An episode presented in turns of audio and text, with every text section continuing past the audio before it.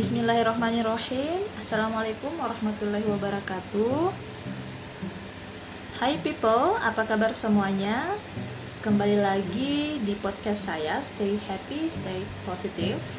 Uh, Beberapa hari yang lalu saya sudah membahas seputar kehidupan kita sebagai seorang wanita dan peran yang yang yang kita hadapi di kehidupan ini Nah, untuk episode kali ini saya mungkin agak sedikit melenceng dari lika-liku kita sebagai seorang perempuan.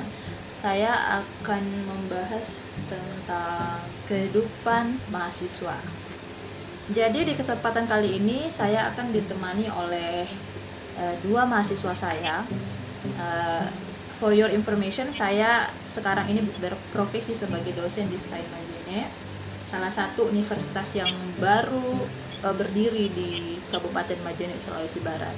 Nah, pengalaman saya sebagai seorang dosen ketika mengajar di sini itu saya memberikan perhatian yang yang mungkin berbeda dari pengalaman mengajar saya sebelumnya. Kebetulan karena sudah terekspos dengan uh, lingkungan mungkin di kota atau bahkan di luar negeri, saya akhirnya bisa membawa pengalaman itu dan e, bertemu dengan mahasiswa di daerah yang sebenarnya mereka punya potensi tapi mungkin di e, mereka berada di lingkungan yang yang sedikit uh, resource dan fasilitasnya itu tidak sama dengan mahasiswa yang ada di kota. Nah di kesempatan kali ini saya mau mewawancarai dua mahasiswa saya. Uh, sebenarnya ada banyak mahasiswa, tapi mahasiswa ini menurut saya mungkin yang yang bisa mewakili untuk mahasiswa mahasiswa Stein Majene yang lain.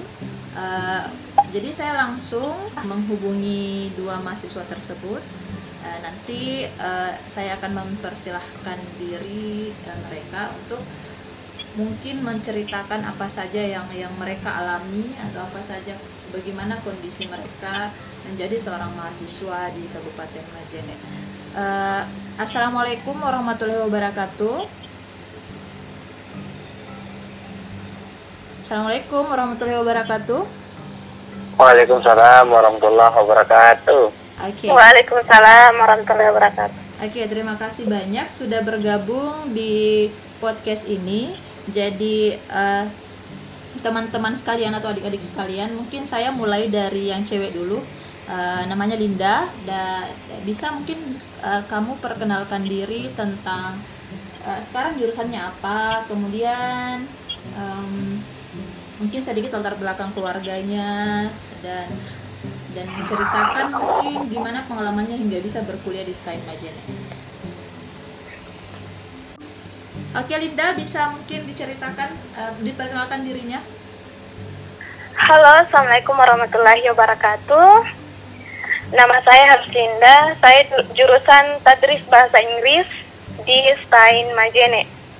Kemudian ketika berbicara mengenai keluarga saya, saya merupakan mahasiswa yang berasal dari keluarga yang kurang mampu dan ketika berbicara mengenai perjalanan kuliah saya ataupun jalan pendidikan saya sampai perkuliahan ini sebenarnya sedikit uh, banyak kerintangan uh, yang saya alami pada saat uh, kenapa karena pada saat SMP pada saat itu saya uh, membiasakan uh, diri sebagaimana kehidupan saya yang dulunya pada saat di rantauan.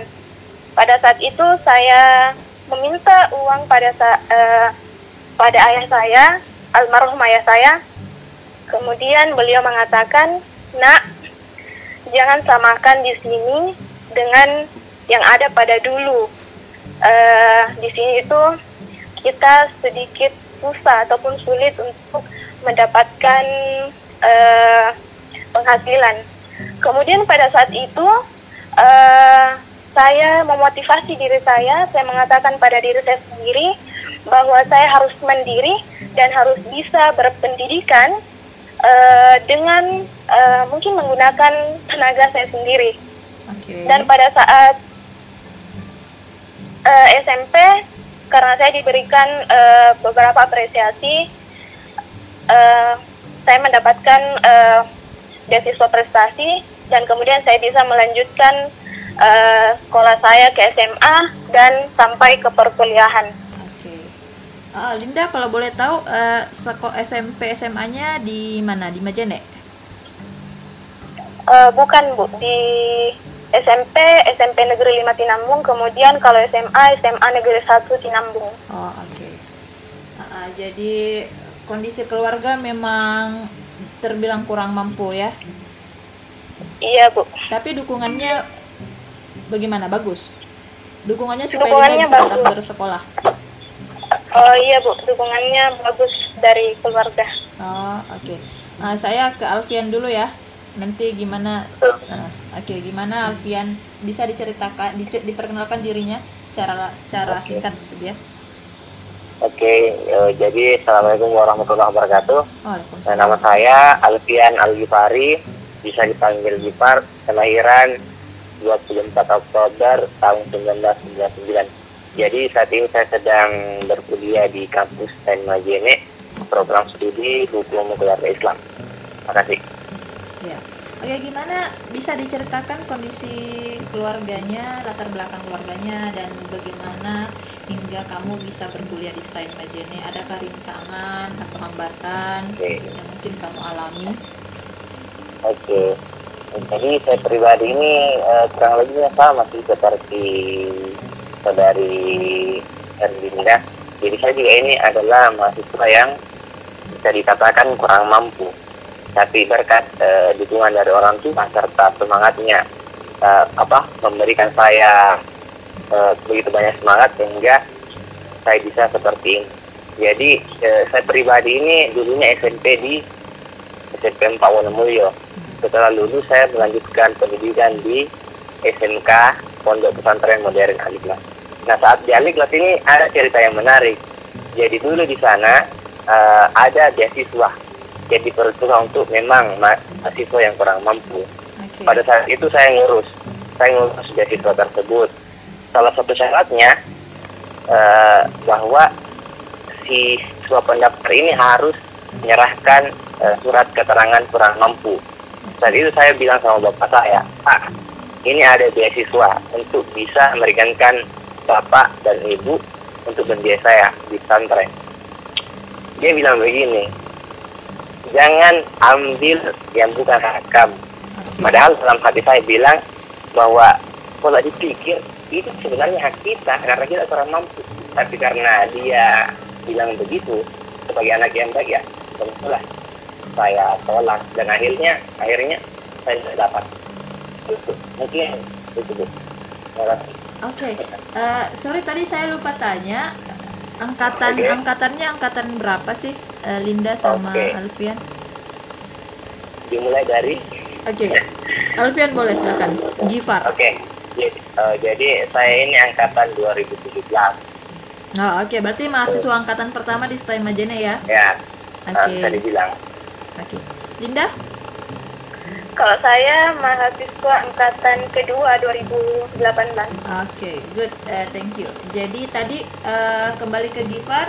Tadi belum diceritakan gimana hingga memilih Oh, ya. Stein Majene, kenapa milih jurusan Oke. itu dan kenapa bisa kuliah di Stein Majene? Eh, Oke, oke, terima kasih Bu. Jadi eh, setelah lulus dari pondok pesantren, jadi kan eh, setiap satuan pendidikan itu diberikan kesempatan untuk mendaftar melalui jalur prestasi, misal kayak jalur span PKN. Itu saya daftar. Pilihan pertama itu saya pilih UIN kalau di Makassar. Kemudian pilihan kedua itu Stan Majene. Namun pada saat seleksi berkas pilihan pertama itu enggak lolos dan akhirnya saya bisa masuk di Stan Majene. Oke. Kemudian sebenarnya eh, saya masih ngotot untuk tidak berkuliah di Stan Majene karena saya sadar bahwa Stan Majene itu di mana sih? Ah, oke. Belum pernah ada satupun orang Ya, yang pernah mendengar bahwa ada kampus yang namanya Stan Majene oke. apalagi di samping teman-teman yang eh, apa yang ingin berkuliah di eh, kampus ternama Oke. dulu itu saya pribadi beserta teman-teman itu sudah sepakat bahwa nanti kita tidak satupun di antara kita tidak akan tidak ada yang akan kuliah di dalam daerah semuanya akan Keluarga daerah. Ha. Jadi pada saat itu saya juga bertekad karena sadar bahwa saya tidak lolos, tentu ada jalur kedua namanya UMPTKIN. Mm-mm. Karena pada saat itu saya sudah eh, menceritakan bahwa di jalur pertama ini saya tidak lolos di pilihan pertama tersebut. Akhirnya saya mengadu sama bapak, Pak, saya lolosnya di stand Majene. Tapi karena bapak sudah sepakat, nggak apa-apa nak kamu masuk di situ saja. Karena inilah rezeki kamu. Bersyukur karena kamu bisa masuk secara tes tanpa tes. Yap. Saya tetap ngotot. Pada saat itu saya punya uang 200 ribu, uang tabungan. Kebetulan pas untuk daftar di jalur kedua itu biayanya 200 ribu. Oke. Pada saat itu saya daftar di bank bayar 200 ribu.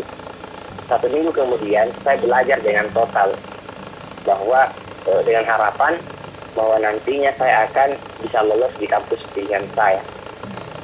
Lucunya, pada saat hari H itu eh, saya kan tidak punya kenal kenalan di Majene karena pada saat itu tesnya akan dilakukan di Majene. Saya tidak punya kenalan di Majene. Nah, Kebetulan saya eh, kan punya sedikit kecakapan di bidang teknologi. Jadi saya bisa cari teman Facebook saya yang ada di Majene. Nah, saya cari satu-satu. Saya cek satu-satu. Teman pertama eh, pastinya laki-laki ya. Teman pertama saya tanya, gimana Ki Majene di bagian di sini? Oh, tidak tepat karena terlalu jauh dengan lokasi tes. Nah, lama saya cari, akhirnya dapat. Kebetulan dia itu teman satu kampung tapi tidak kenal dekat dengan saya. Alhamdulillah pada saat itu dia bilang, oke saya bisa tinggal di kosnya. Oke. Saya bisa tinggal di kosnya. Yap. Hari H sebelum tes, saya pergi eh, jauh dari rumah. Saya pergi eh, satu hari sebelum tes. Eh, pada saat di sana, kan besok pagi kita akan melakukan tes. Malamnya saya belajar lagi, belajar lagi, belajar lagi. Pada saat eh, hari H, saya pergi ke tempat tesnya.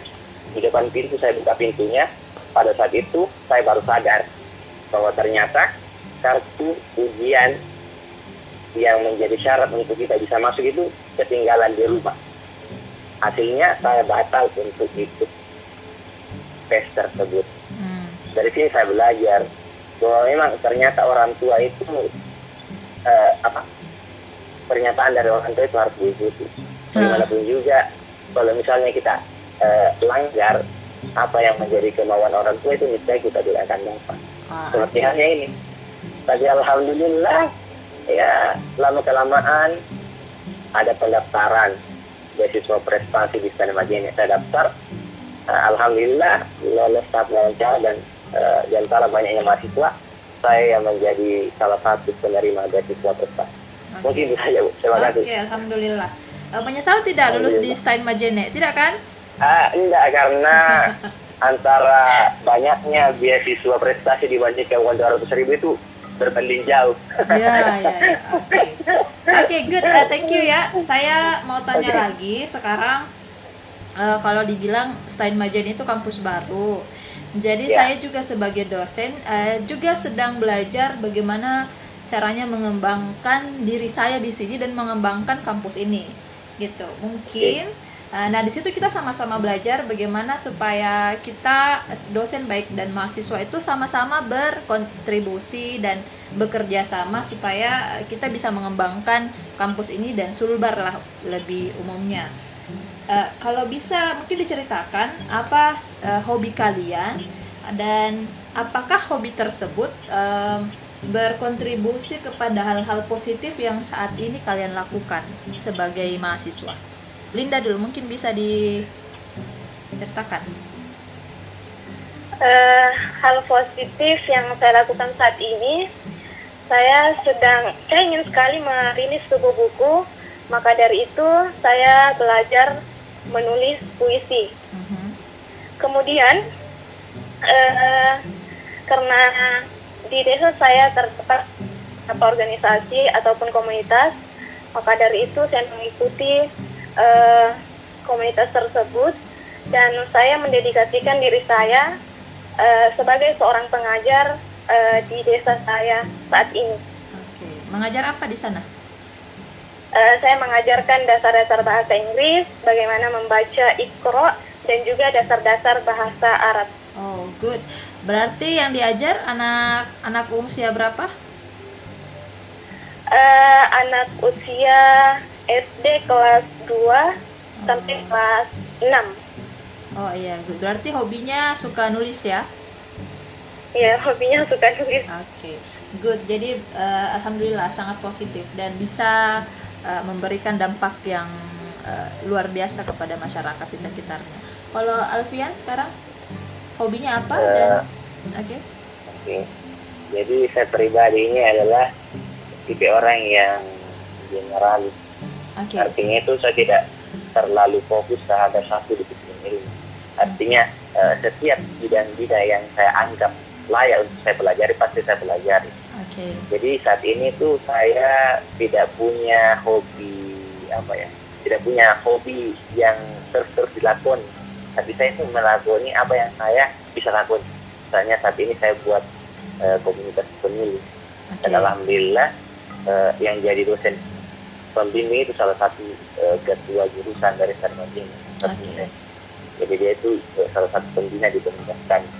Nah komunitas ini tuh uh, apa tujuannya untuk mewadahi mahasiswa yang berkeinginan untuk menjadi seorang penulis. Okay. Dan alhamdulillah tulisan-tulisan uh, dari mahasiswa yang sudah dibuat itu, insya Allah ke depannya kita akan jadikan uh, buku. Kemudian saya juga ini sering aktif, saya punya lembaga, lembaga daerah, perganda, organisasi daerah itu yang apa, yang visi dan misinya itu ingin mengembangkan daerah dengan tujuan apa? Dengan tujuan untuk uh, itu dengan tujuan untuk mengembangkan daerah. Adapun kegiatan-kegiatan uh, yang kami lakukan itu terjun ke masyarakat, melakukan kegiatan-kegiatan sosial salah satu kegiatan yang biasa kami lakukan itu ada yang namanya Ghost to School. Jadi di hari-hari tertentu kami mengunjungi uh, sekolah-sekolah pelosok yang ada di kecamatan kami, yaitu kecamatan Tapango. Selain itu kami juga uh, apa? Uh, kami juga punya uh, tugas. Jadi di organisasi kami itu ada badan-badan, ada badan IT yang bertugas sebagai apa? menyiarkan okay. atau mempublikasikan setiap kegiatan yang kami lakukan. Ada Baker, Badan Kewirausahaan. Jadi tugas Nabakar ini adalah memproduksi setiap uh, produk yang ada yang diciptakan dari Kecamatan Tapang, misalnya saja kopi, okay. kopi kura misalnya. Jadi kopi kura itu kopi yang berasal dari Kecamatan Tapang dan alhamdulillah saat ini uh, kopi tersebut sudah mengalahkan kopi khas Mandar sendiri, kopi Maradia, okay. gitu. Jadi uh, jadi banyak sih sebenarnya mm-hmm. kemudian saya juga biasa uh, turun dalam aksi-aksi kemanusiaan menjadi volunteer atau relawan di setiap uh, kegiatan kalau misalnya ada penggiat literasi yang mengadakan kegiatan lintas komunitas tentu kami sebagai penggiat literasi juga ikut serta dalam kegiatan yang dilakukan oleh penggiat uh, literasi tersebut. Ini itu sih ibu. Oke luar biasa. Jadi uh, berarti memang kalian uh, saya menganggap bahwa ketika kita tinggal di daerah sebenarnya bukan sebuah bukan sebuah alasan bahwa kita harus mundur atau terbelakang dari yang lain. Buktinya dari pengalaman kalian, kalian juga bisa eh, berkontribusi kepada masyarakat, bisa mengembangkan diri dan punya visi dan misi ke depan uh, bagaimana mengembangkan daerah atau desanya masing-masing. Nah, ini mungkin uh, saya mau mengubah perspektif semua orang bahwa ketika misalkan kita tinggal di daerah itu tuh bawaannya negatif, tidak punya inilah, tidak punya itu, susah. Kan banyak yang kayak gitu ndak bisa kayak gini karena begini begini semuanya kayaknya seolah-olah negatif, protes, tapi buktinya kalian bisa uh, melewati tantangan itu. Nah, nah itu kan sesuatu yang positif ya. Nah, mungkin bisa di, diceritakan bagaimana kalian punya uh, sebuah visi dan misi atau sebuah harapan untuk uh, bisa tetap uh, berjaya atau bisa tetap bermanfaat di di tengah situasi yang yang mungkin kurang kondusif. Linda mungkin? Uh, menurut saya bagaimana bisa terus uh, berjaya.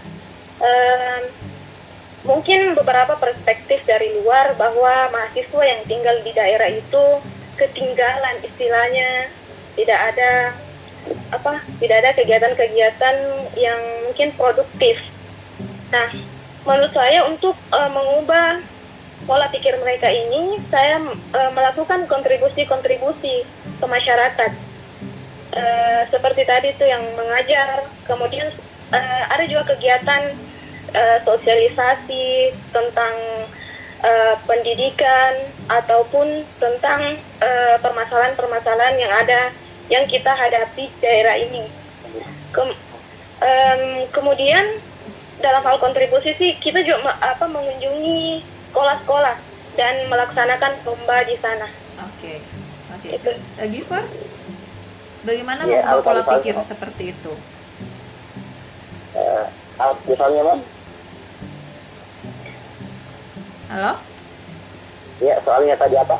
Ya, jadi uh, gimana caranya mengubah pola pikir masyarakat yang cenderung negatif ketika kita uh, kuliah di daerah seolah-olah okay. semuanya itu hanya hambatan, rintangan, tantangan dan dan susah kita untuk maju. Nah, bagaimana mengubah perspektif itu? Jadi uh, memang sesuai tadi yang disampaikan oleh saudara Helminda, memang sekarang masyarakat di daerah itu bawaannya uh, takdir menyatakan takdir bahwa masyarakat daerah itu pasti dan tidak akan mungkin uh, bisa bersaing dengan mereka yang ada di kota. Ya. Tapi sebenarnya kalau kita dipikir bahkan ada beberapa uh, ilmuwan dari luar negeri katakan bahwa sebenarnya orang daerah itu tidak tidak apa bukannya tidak bisa bersaing rata-rata orang dari daerah itu kreatif tapi yang jadi persoalan adalah mereka itu tidak percaya diri. Ah, mereka itu malu. Okay. Mereka itu uh, seolah-olah bahwa orang yang tinggal di daerah itu tidak bisa bersaing. Tapi sebenarnya tidak. Hal yang harus dipikirkan sekarang adalah bagaimana menanamkan dalam diri kita bahwa kalau mereka saja yang ada di kota uh, apa dengan total meningkatkan kemampuannya, bagaimana kita yang tinggal di desa? Apakah kita akan terus begini? Okay. Apakah kita tidak akan berubah? Okay. Apakah kita tidak akan uh, tidak memiliki apa rasa malu dalam diri kita? Hmm. Okay, Mungkin good. seperti itu, Ibu. Oke, okay, good. Jadi sangat-sangat positif okay. semua jawabannya. Saya saya senang mendengar bahwa uh, pikiran, perasaan yang yang optimis itu masih ada di mahasiswa kita. Oke, okay. saya mau tanya, kira-kira uh, sudah mungkin uh, prestasi apa yang sudah diraih? Mungkin bisa diceritakan. Prestasi ini tidak melulu tentang lomba ya, tapi eh, hal-hal uh, yang mungkin menurutmu sebuah penghargaan yang pernah disematkan ke kalian, entah dalam bentuk aktivitas komunitas, uh, meskipun atau telah meng, me, melahirkan buku, karya tulis. Oke, okay, itu mungkin yang lebih umum. Prestasi apa yang sudah diraih? Linda? Uh, kalau saya pribadi, karena pada libur semester lalu itu kita dituntut untuk membuat buku. Okay. Jadi uh, buku saya, jadi buku saya itu telah dirilis buku di Sain Sain Majene, alhamdulillah. Okay. Kemudian pada uh, saat SMA saya merupakan founder uh, salah satu founder komunitas yang ada di daerah saya sendiri. Ah. Komunitasnya apa?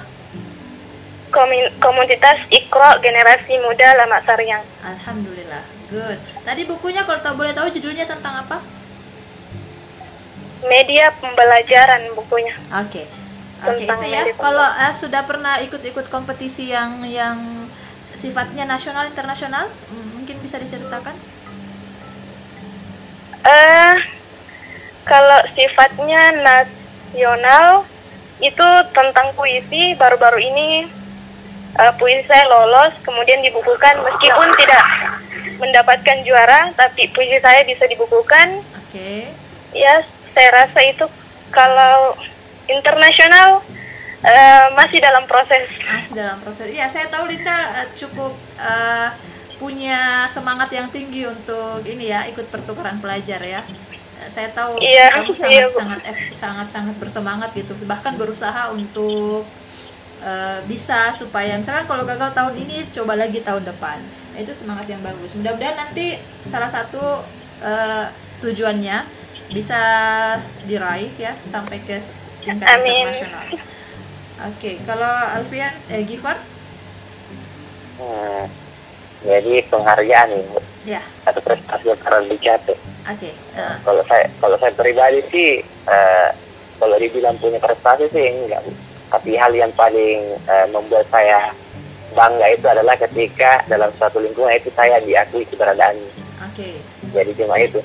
Jadi kalau misalnya saya ikut dalam suatu perkumpulan atau komunitas, hal yang paling membuat saya bangga itu ketika dalam lingkungan tersebut saya diakui keberadaannya. Entah kenapa perasaan saya itu kayak enak, tenang, dan ingin berbuat yang lebih untuk komunitas tersebut. ya, Jadi kalau misalnya ada sebuah komunitas yang mengundang saya pribadi, eh, intinya cuma satu. Kalau mau saya total ikut komunitas itu, cukup akui saya. Hmm. itu sih bu. Tapi hati-hati ya, eh, hati-hati, jangan ah. sampai ini. Nanti kalau misalnya Tahu tidak diakui, akhirnya tidak bergerak. ya kadang sih juga begitu bu. Ah, ah, ya itu hati-hati. Kadang. Eh, tapi insya Allah ke depannya diperbaiki lah. Hati-hati saja. ah, ah. Jadi jangan sampai karena ujiannya nanti ke situ, akhirnya eh, akhirnya ah malah sudah tidak dihargai. Ya. Gitu. Oke, mudah-mudahan tetap Oke. dipertahankan semangat dan keikhlasannya. Oke, ya. Oke, eh, kira-kira menurut kalian, eh, saya saya mau em, sedikit em, mungkin menceritakan unek-unek saya sebagai seorang dosen ya. Saya saya akui bahwa mungkin karena keadaan yang di daerah yang masih banyak orang yang belum terekspos dengan dunia luar tentang bahwa kita harus seperti ini, kita harus berkompetisi, kita harus ikut ini supaya bisa eh, berkembang, bisa lebih berprestasi. Nah, itu saya lihat eh, kebanyakan ya, kebanyakan semua. Ini tidak semua. Saya tidak mengeneralisir. Tapi kebanyakan mahasiswa itu merasa acuh gitu. Pokoknya cukup hanya datang kuliah, kuliah pulang, kuliah pulang. Yang penting dia selesaikan kewajibannya. Tidak banyak yang berpikir gimana caranya mengembangkan dirinya supaya bisa lebih kompetitif. Nah, ini yang yang saya lihat kurang di Stein Majene. Nah, mungkin eh, dari kalian berdua karena saya bisa mengambil contoh nah, apa pentingnya berkompetisi? Bagaimana supaya kita bisa menjadi mahasiswa yang eh, kompetitif gitu. Paham ya maksud saya ya? Ya, Ya, oke Linda. Mungkin apa pentingnya kita berkompetisi? Apa pentingnya mahasiswa ikut kompetisi? Eh, kalau menurut saya pribadi karena saya juga pernah membaca buku dari eh, Ainur Basira Mulia itu buku tentang mahasiswa bukan kaleng-kaleng. Eh, di situ digambarkan bahwa salah satu yang harus dimiliki oleh mahasiswa itu yaitu sifat kompetitif. Ya. Jadi menurut saya eh, penting sekali kompetisi itu bagi mahasiswa ataupun bagi eh, pelajar yang ada di Indonesia ini. Karena ketika kita membiasakan diri kompetisi eh, eh, pada pada akhirnya nanti itu eh, kita bisa lebih apa ya lebih, lebih pokoknya lebih optimis Ah. dalam melakukan sesuatu. Karena kita sudah terbiasa Seperti itu. Kalau Giva? Hmm, kalau saya pribadi, eh, saya pernah dengar tuh katanya Raditya, Raditya Dika. Dia bilang, kalau mau jadi orang yang eh, berkompet- berkompetitif, kuasailah bidang yang kamu lakukan. Maksudnya apa? Kalau kita misalnya sudah kuasai bidang kita, otomatis eh, yang menjadi pemain dalam dunia kerja itu pasti. Tidak mungkin akan, tidak mungkin orang lain. Jadi apa sih pentingnya jiwa kompetitif? Jadi yang paling yang paling penting yang harus dipahami adalah saat ini kita berada di zaman yang serba segala informasi itu bisa diperoleh dalam genggaman. Oke. Jadi eh, tentu untuk memanfaatkan uh, itu masih kita semua siapa pun itu pastinya harus uh, terus mengasah dan meningkatkan kemampuan intelektual kita. Okay. Karena nanti di masa depan kalau kita pilihannya cuma dua, kalau bukan jadi penonton pasti pemain.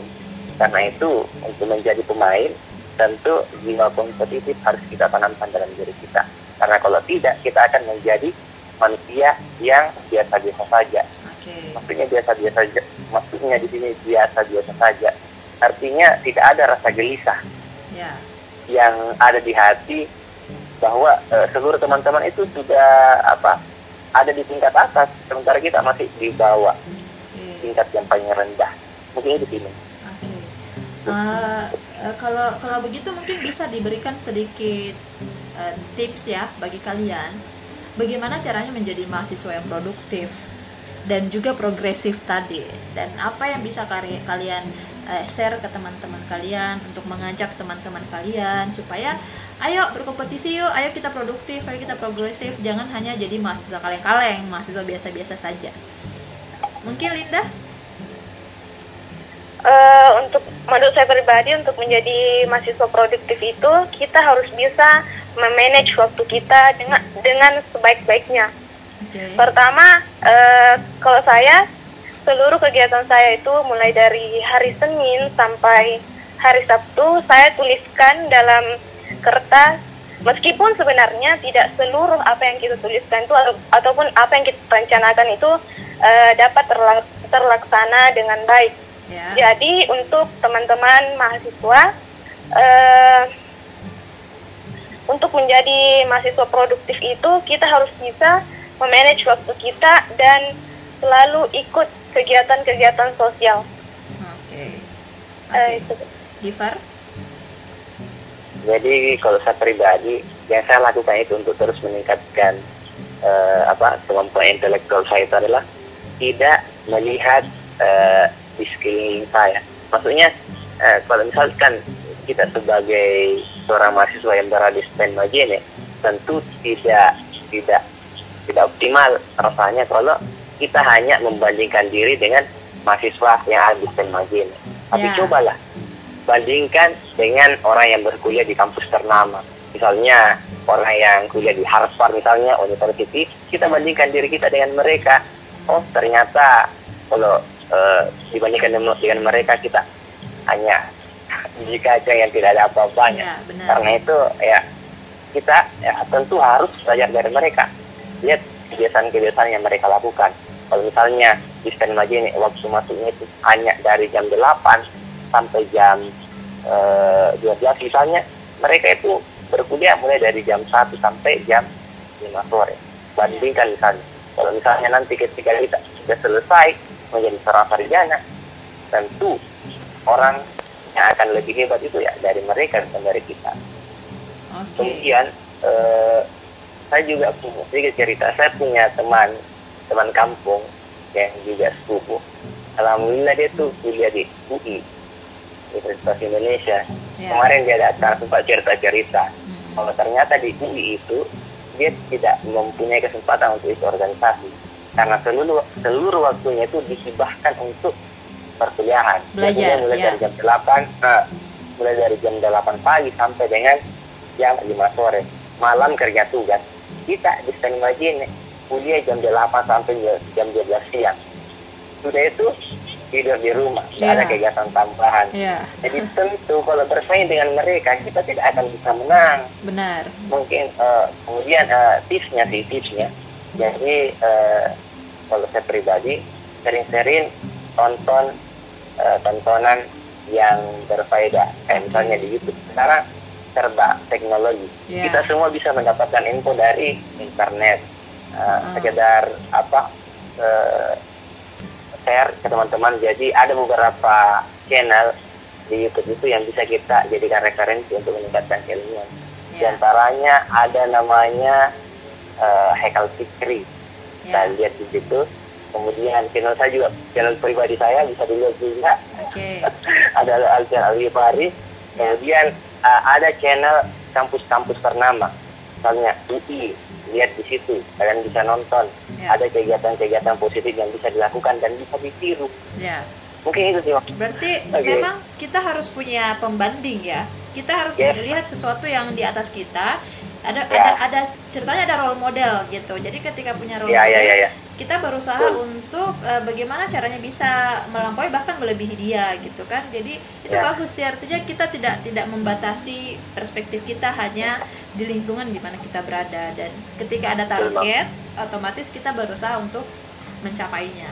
Oke, berbicara tentang harapan dan cita-cita. Nah, nah kalian ini sebenarnya harapan dan cita-cita terbesarnya apa? Tentu banyak ya, tapi tolong mungkin yang paling ingin kalian capai saat ini. Eh, Linda mungkin?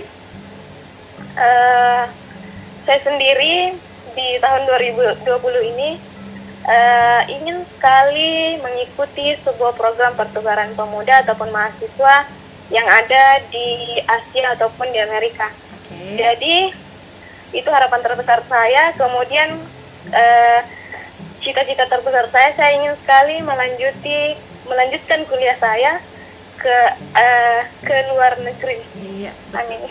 Oke, mudah-mudahan eh, cita-citanya bisa tercapai. Kita doakan sama-sama. Eh, Amin. eh, good. Jadi kalau misalkan ada cita-cita, sebenarnya itu kalau cita-cita itu sebenarnya kan adalah eh, usaha yang apa ya tujuan yang jauh di atas kita. Jadi kalau misalkan kita punya cita-cita dan target, itu akan membuat kita bergerak untuk mencapainya, ya kan? Akhirnya akhirnya kita tidak Iya. punya kita tidak punya waktu untuk memikirkan hal yang remeh-temeh selain untuk mencapai cita-cita itu. Nah, ini kalau Gifar gimana? Eh, kalau harapan harapan saya pribadi ya jujur saya ya jadi dari dulu sampai sekarang itu saya punya harapan bisa kuliah di Jepang karena Di mana? jujur Jepang Oke, Jepang Jepang. itu salah satu negara yang menurut saya saya akan budayanya bahkan tontonan-tontonan saya pribadi mulai dari dulu sampai sekarang itu asalnya dari Jepang. Oke. mulai dari kartun-kartunnya Ya. anime-animenya bahkan serial satu-satu yang saya nonton jadi itu sih. Tapi sampai saat ini ya itu kendalanya tadi bahasa. Jadi memang eh, perlu ada upaya dari eh, SPN Majene khususnya untuk apa mengembangkan khususnya yang berwenang di lembaga peningkatan bahasa Ya. bagi kita mahasiswa ini eh, keluar nanti sudah ada basic lah dalam eh, berbahasa asing seperti itu Ya, betul sekali. kemudian cita jadi kemudian cita-cita Hmm. kalau cita-cita saya mau jadi influencer Apa? jadi orang yang ber in- influencer, jadi orang yang berpengaruh Oke. ya alasannya karena kembali eh, apa kembali ke jawaban di awal tadi saya ingin dikenal dikenal dalam artian sebagai orang yang eh, berperilaku baik dan eh, menyebarkan eh, kebaikan-kebaikan Oke. jadi tidak ada tidak ada sih cita-cita yang lain cuma itu sih Hmm, Oke. Jadi ceritanya supaya betul. bisa punya pengaruh dan bisa bermanfaat kepada Ya. orang lain ya. Oke. Good. Nah, kalau misalkan kalau begitu misalkan eh, bisa mungkin kamu eh, ceritakan eh, apa sebenarnya harapanmu kepada teman-teman mahasiswa khususnya di Stein Majene. Linda mungkin? Eh, harapan terbes harapan saya untuk mahasiswa mahasiswa STEM Majene eh, kita bisa sama-sama mengembangkan eh, universitas kita ataupun sekolah cinta kita mis- misalnya itu tadi eh, terus menerus berkarya Eh, semoga eh, akreditas eh, prodi ataupun jurusan atau kampus kita itu ke depannya eh, semakin meningkat. Oke. Saya Oke, kok itu kan jawaban yang general ya. Bisa mungkin lebih detail. eh, kamu harapannya gimana sih supaya mahasiswa STEM Majene ini juga lebih apa ya, lebih punya semangat yang luar biasa untuk berprestasi gitu. Em, kalau saya kalau saya bu tergantung lagi kepada pribadi mas sendiri. Ya. Ketika oke. kita memiliki eh, jiwa kompetitif yang tinggi, maka kita eh, kita harus apa ya harus berupaya memiliki effort yang tinggi untuk uh, mencapai apa yang kita inginkan. Jadi uh, untuk mahasiswa Stan Majene mungkin karena kita memiliki perbedaan perspektif, jadi uh, apa ya? Jadi agak sulit uh, okay. untuk bagaimana memberikan pengaruh bagi mereka. Apalagi saya pribadi juga prestasinya pun masih sedikit. Jadi mungkin untuk saat ini uh, belum memiliki pengaruh terbesar bagi mereka. Oh, Oke, okay. uh, uh, gimana kalau Gifar? Hmm, harapan untuk teman-teman mahasiswa agar mereka bisa menjadi mahasiswa produktif. Bahwa mereka sebagian dari mahasiswa itu malas karena tidak ada yang menjadi acuan ke depannya untuk meningkatkan kemampuan diri. Jadi uh, saya pribadi jujur di kelas itu rata-rata uh, teman saya itu malas. Jadi kemalasan mereka itu bisa tertular sama saya. Tugas saya sekarang adalah bagaimana caranya supaya saya itu tidak tertular dengan kemalasan mereka. Jadi yang saya lakukan adalah melihat konten yang ada di YouTube, membandingkan diri dengan mereka yang berkuliah di uh, kampus ternama. Iya. Nah kemudian mungkin cara yang bisa dilakukan agar mereka uh, berubah, yang pertama itu mungkin kita bisa satukan preset, berikan pemahaman kepada mereka okay. bahwa kalau misalnya tidak ada perkembangan diri, tidak ada pengembangan diri yang dilakukan, otomatis ya nanti ketika jadi sarjana akan menjadi sarjana yang kegiatan dan tidak berguna di masyarakat. Yang biasa-biasa saja ya? Ah, yang biasa-biasa saja. Tapi saya sudah pernah berikan pemahaman kepada mereka.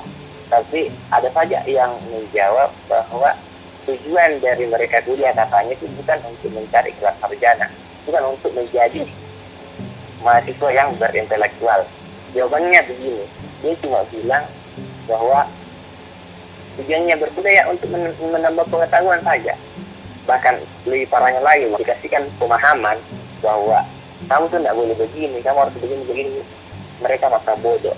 Jadi jujur saya pribadi juga bingung bagaimana caranya agar mereka teman-teman mahasiswa itu bisa ya sama yang progresif dan terus berjiwa kompetitif. Oke, jadi uh, itu itu itu yang kalian alami ya sebagai ya. mahasiswa melihat mungkin keadaan sekitarnya mudah-mudahan nanti bisa memberikan pengaruh yang lebih positif kepada mereka dan uh, tergugah ya mereka tergugah supaya mau juga menimbulkan me, me, menumbuhkan semangat itu. Jadi tidak hanya kuliah pulang kuliah kos dan sebagainya. Oke okay. uh, eh, nah nah ini lebih lebih ini. Gimana harapanmu untuk kampus sendiri dan uh, untuk Sulawesi Barat? Apa harapan yang yang yang ingin kamu dan kontribusi yang bisa kamu berikan kepada kampus dan juga kepada provinsi Sulawesi Barat. Nah, Linda?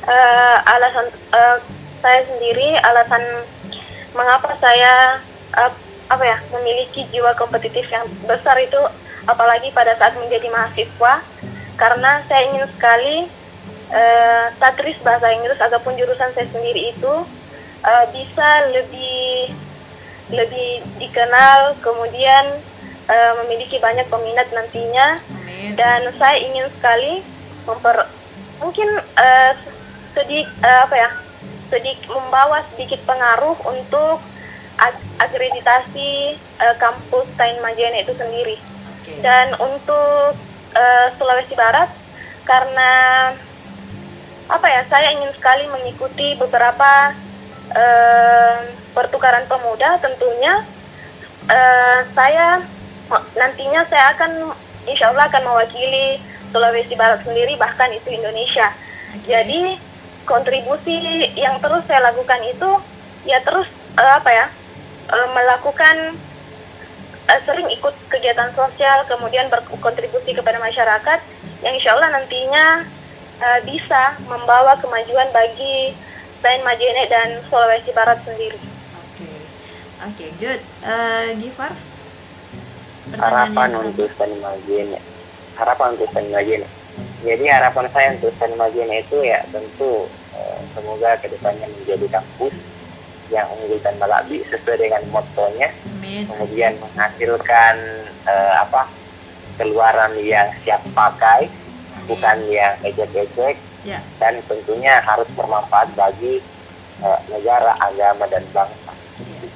kemudian untuk Sulawesi Barat harapan saya eh, untuk pemerintah eh, jangan pelit Hah? mengadakan kegiatan jangan pelit Oke. untuk mengadakan kegiatan karena sekarang yang jadi kendalanya itu adalah eh, pemerintah itu terlalu pelit persoalan dana sekarang di Kurang dukungan sendiri- ya, bukan pelit, ya kurang kurang dukungan. ya, bu- ya kurang dulu kurang dukungan Oke. sekarang di Makassar itu saya sudah cerita sama teman yang baru datang kebetulan dia sudah di Makassar Ya. jadi katanya setiap malam itu eh, pasti ada kegiatan seminar atau kegiatan-kegiatan eh, peningkatan intelektual Ya. yang jadi persoalan apakah dia mau datang atau tidak Ya. sedangkan di daerah kita di Sulawesi Barat jangankan mau ikut kegiatan loh kegiatannya saya tidak ada Yes. Ah, oke. Itu Ya, sebuah itulah ini ya. harapan. Oke. ya itu untuk pemerintah Eh, kemudian eh, tentu sebagai provinsi yang paling muda di antara sekian banyaknya provinsi ya tentu harus eh, apa melompat lebih tinggi maksudnya melompat lebih tinggi itu apa eh, melakukan hal yang tidak biasa Oke. kalau kata Pak Menteri itu out of the box Oke. out of the box. Maksudnya itu tidak berpikir dengan cara yang biasa, berpikir dengan cara yang luar biasa. Ya. Begitu. Kita harus melakukan akselerasi gitu. Jadi Ya. Untuk Stein Majene maupun Provinsi Sulawesi Barat, keduanya ini harus saling mendukung ya. Kita harus menciptakan sebuah eh, lingkungan yang atmosfer yang kondusif dan melakukan percepatan-percepatan tadi. Nah, ini harus didukung oleh SDM-nya, terutama mahasiswa yang ada di Stein Majene dan Sulawesi Barat. Jadi mudah-mudahan mahasiswa-mahasiswa seperti Herlinda, Herlinda dan eh, Alfian Al-Ghifari ini bisa memberikan pengaruh kepada teman-temannya dan juga dan, dan supaya kita sama-sama bisa membangun kampus dan tentu saja bisa berkontribusi dan memberikan pengaruh supaya SDM yang ada di Sulawesi Barat itu juga tidak kalah saing dengan yang ada di provinsi yang lain. Nah terakhir ini terakhir ya eh, secara singkat saja bisa diberikan tips eh, supaya tetap semangat belajar dan berprestasi. Oke, Linda, Linda. Eh, tips untuk semangat belajar dan berprestasi. Kalau saya em, selalu melihat bagaimana keadaan keluarga saya sendiri karena saya merupakan mahasiswa yang berasal dari keluarga yang kurang mampu bisa dibilang kurang mampu. Belum ada yang jadi apa ya contoh eh, untuk jadi misalnya jadi pegawai atau PNS. Jadi eh, jadi untuk mencapai semua itu saya harus belajar. Kemudian eh, yang terpenting sih dari semua itu adalah bisa memanage waktu. Oke. Jadi motivasi terbesarnya saat ini adalah bagaimana supaya bisa membanggakan keluarganya ya. Jadi bisa Iya. memberikan sesuatu yang positif kepada keluarganya dengan cara belajar sungguh-sungguh dan berprestasi. Oke. Kalau dan kemudian tadi manajemen waktu. Kalau eh, Gifar, Gifar, Kurang lebih, oke, kurang lebih sama sih Bu, dengan pernyataan dari saudari Herlinda. Jadi saya juga pribadi salah satu motivasi terbesarnya itu adalah melihat kondisi keluarga yang saat ini ya, bisa dibilang alhamdulillah bersyukur masih bisa makan dan masih bisa mengkuliahkan saya sebagai mahasiswa. Oke. Nah, jadi kalau misalnya saya tidak menjadi orang yang sukses atau orang yang hebat nanti, tidak akan mungkin berubah nasib dari keluarga saya. Oke. Karena itu eh, tentu saya pribadi harus terus belajar menjadi orang yang paling hebat dan antara banyaknya orang hebat Ya. sehingga nanti eh, derajat dari keluarga saya bisa terangkat. Oke, Begitu. Bagus sekali motivasinya ya. Terima Ya. kasih untuk kesempatannya eh, hari ini kepada Herlinda dan eh, Al-Ghifari untuk mau memberikan eh, sharing tentang pengalaman dan perspektifnya sebagai mahasiswa di Stein Majene. Sebagai kesimpulan, jadi sebenarnya meskipun kita berada dalam kondisi uh, ke apa ya socio-economic low socio-economic family dan lingkungan yang sebenarnya kurang kurang bisa kurang bisa dibilang ya tidak sama dengan uh, lingkungan orang-orang yang tinggal di kota atau atau dari keluarga yang berada tapi itu bukan alasan untuk kita um, ya tidak mengembangkan diri dan tidak memajukan diri kita. Nah, saya melihat contoh-contoh mahasiswa ini adalah orang-orang yang bisa effortnya itu harus dua kali lipat lebih uh, keras ketimbang orang-orang yang punya segalanya. Jadi itu adalah sesuatu kalau saya pribadi melihat itu adalah sesuatu yang sangat positif dan luar biasa karena e, berbeda ketika kita berada di lingkungan yang e, lingkungan sosial yang baik misalkan dari keluarga yang berada, fasilitas yang mendukung, kemudian lingkungan uh, misalkan di perkotaan itu fasilitas dan resources yang banyak yang tinggal kita memilih mau datang atau tidak itu bisa sangat mendukung untuk peningkatan skill kita, peningkatan kemampuan intelektual kita. Tapi uh, luar biasanya yang ada di daerah untuk mencapai itu semua mereka harus berusaha dua kali lipat.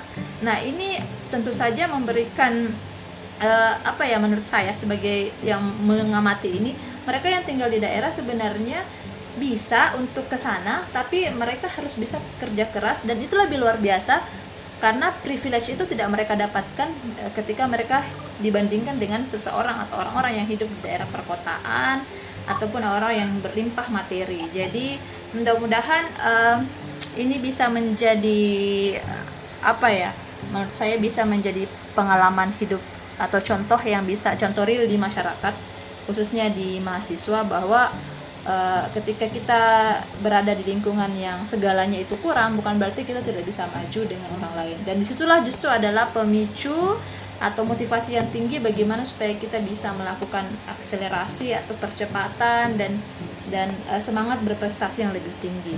Terima kasih untuk Herlinda dan Algifari. Uh, saya ucapkan mudah-mudahan sukses ya, sukses di kehidupan perkuliahannya di ke depan. Amin sama-sama kita semua mengembangkan uh, kampus kita. Oke, okay, saya undur diri juga uh, terus semuanya kepada pendengar. Mudah-mudahan ini memberikan manfaat kepada kita semua, kepada saya pribadi dan juga kepada uh, pembicara atau tamu saya hari ini. Saya undur diri. Uh, saya ucap dengan mengucapkan alhamdulillah. Wabillahi wal hidayah. Wassalamualaikum warahmatullahi wabarakatuh. Waalaikumsalam warahmatullahi wabarakatuh.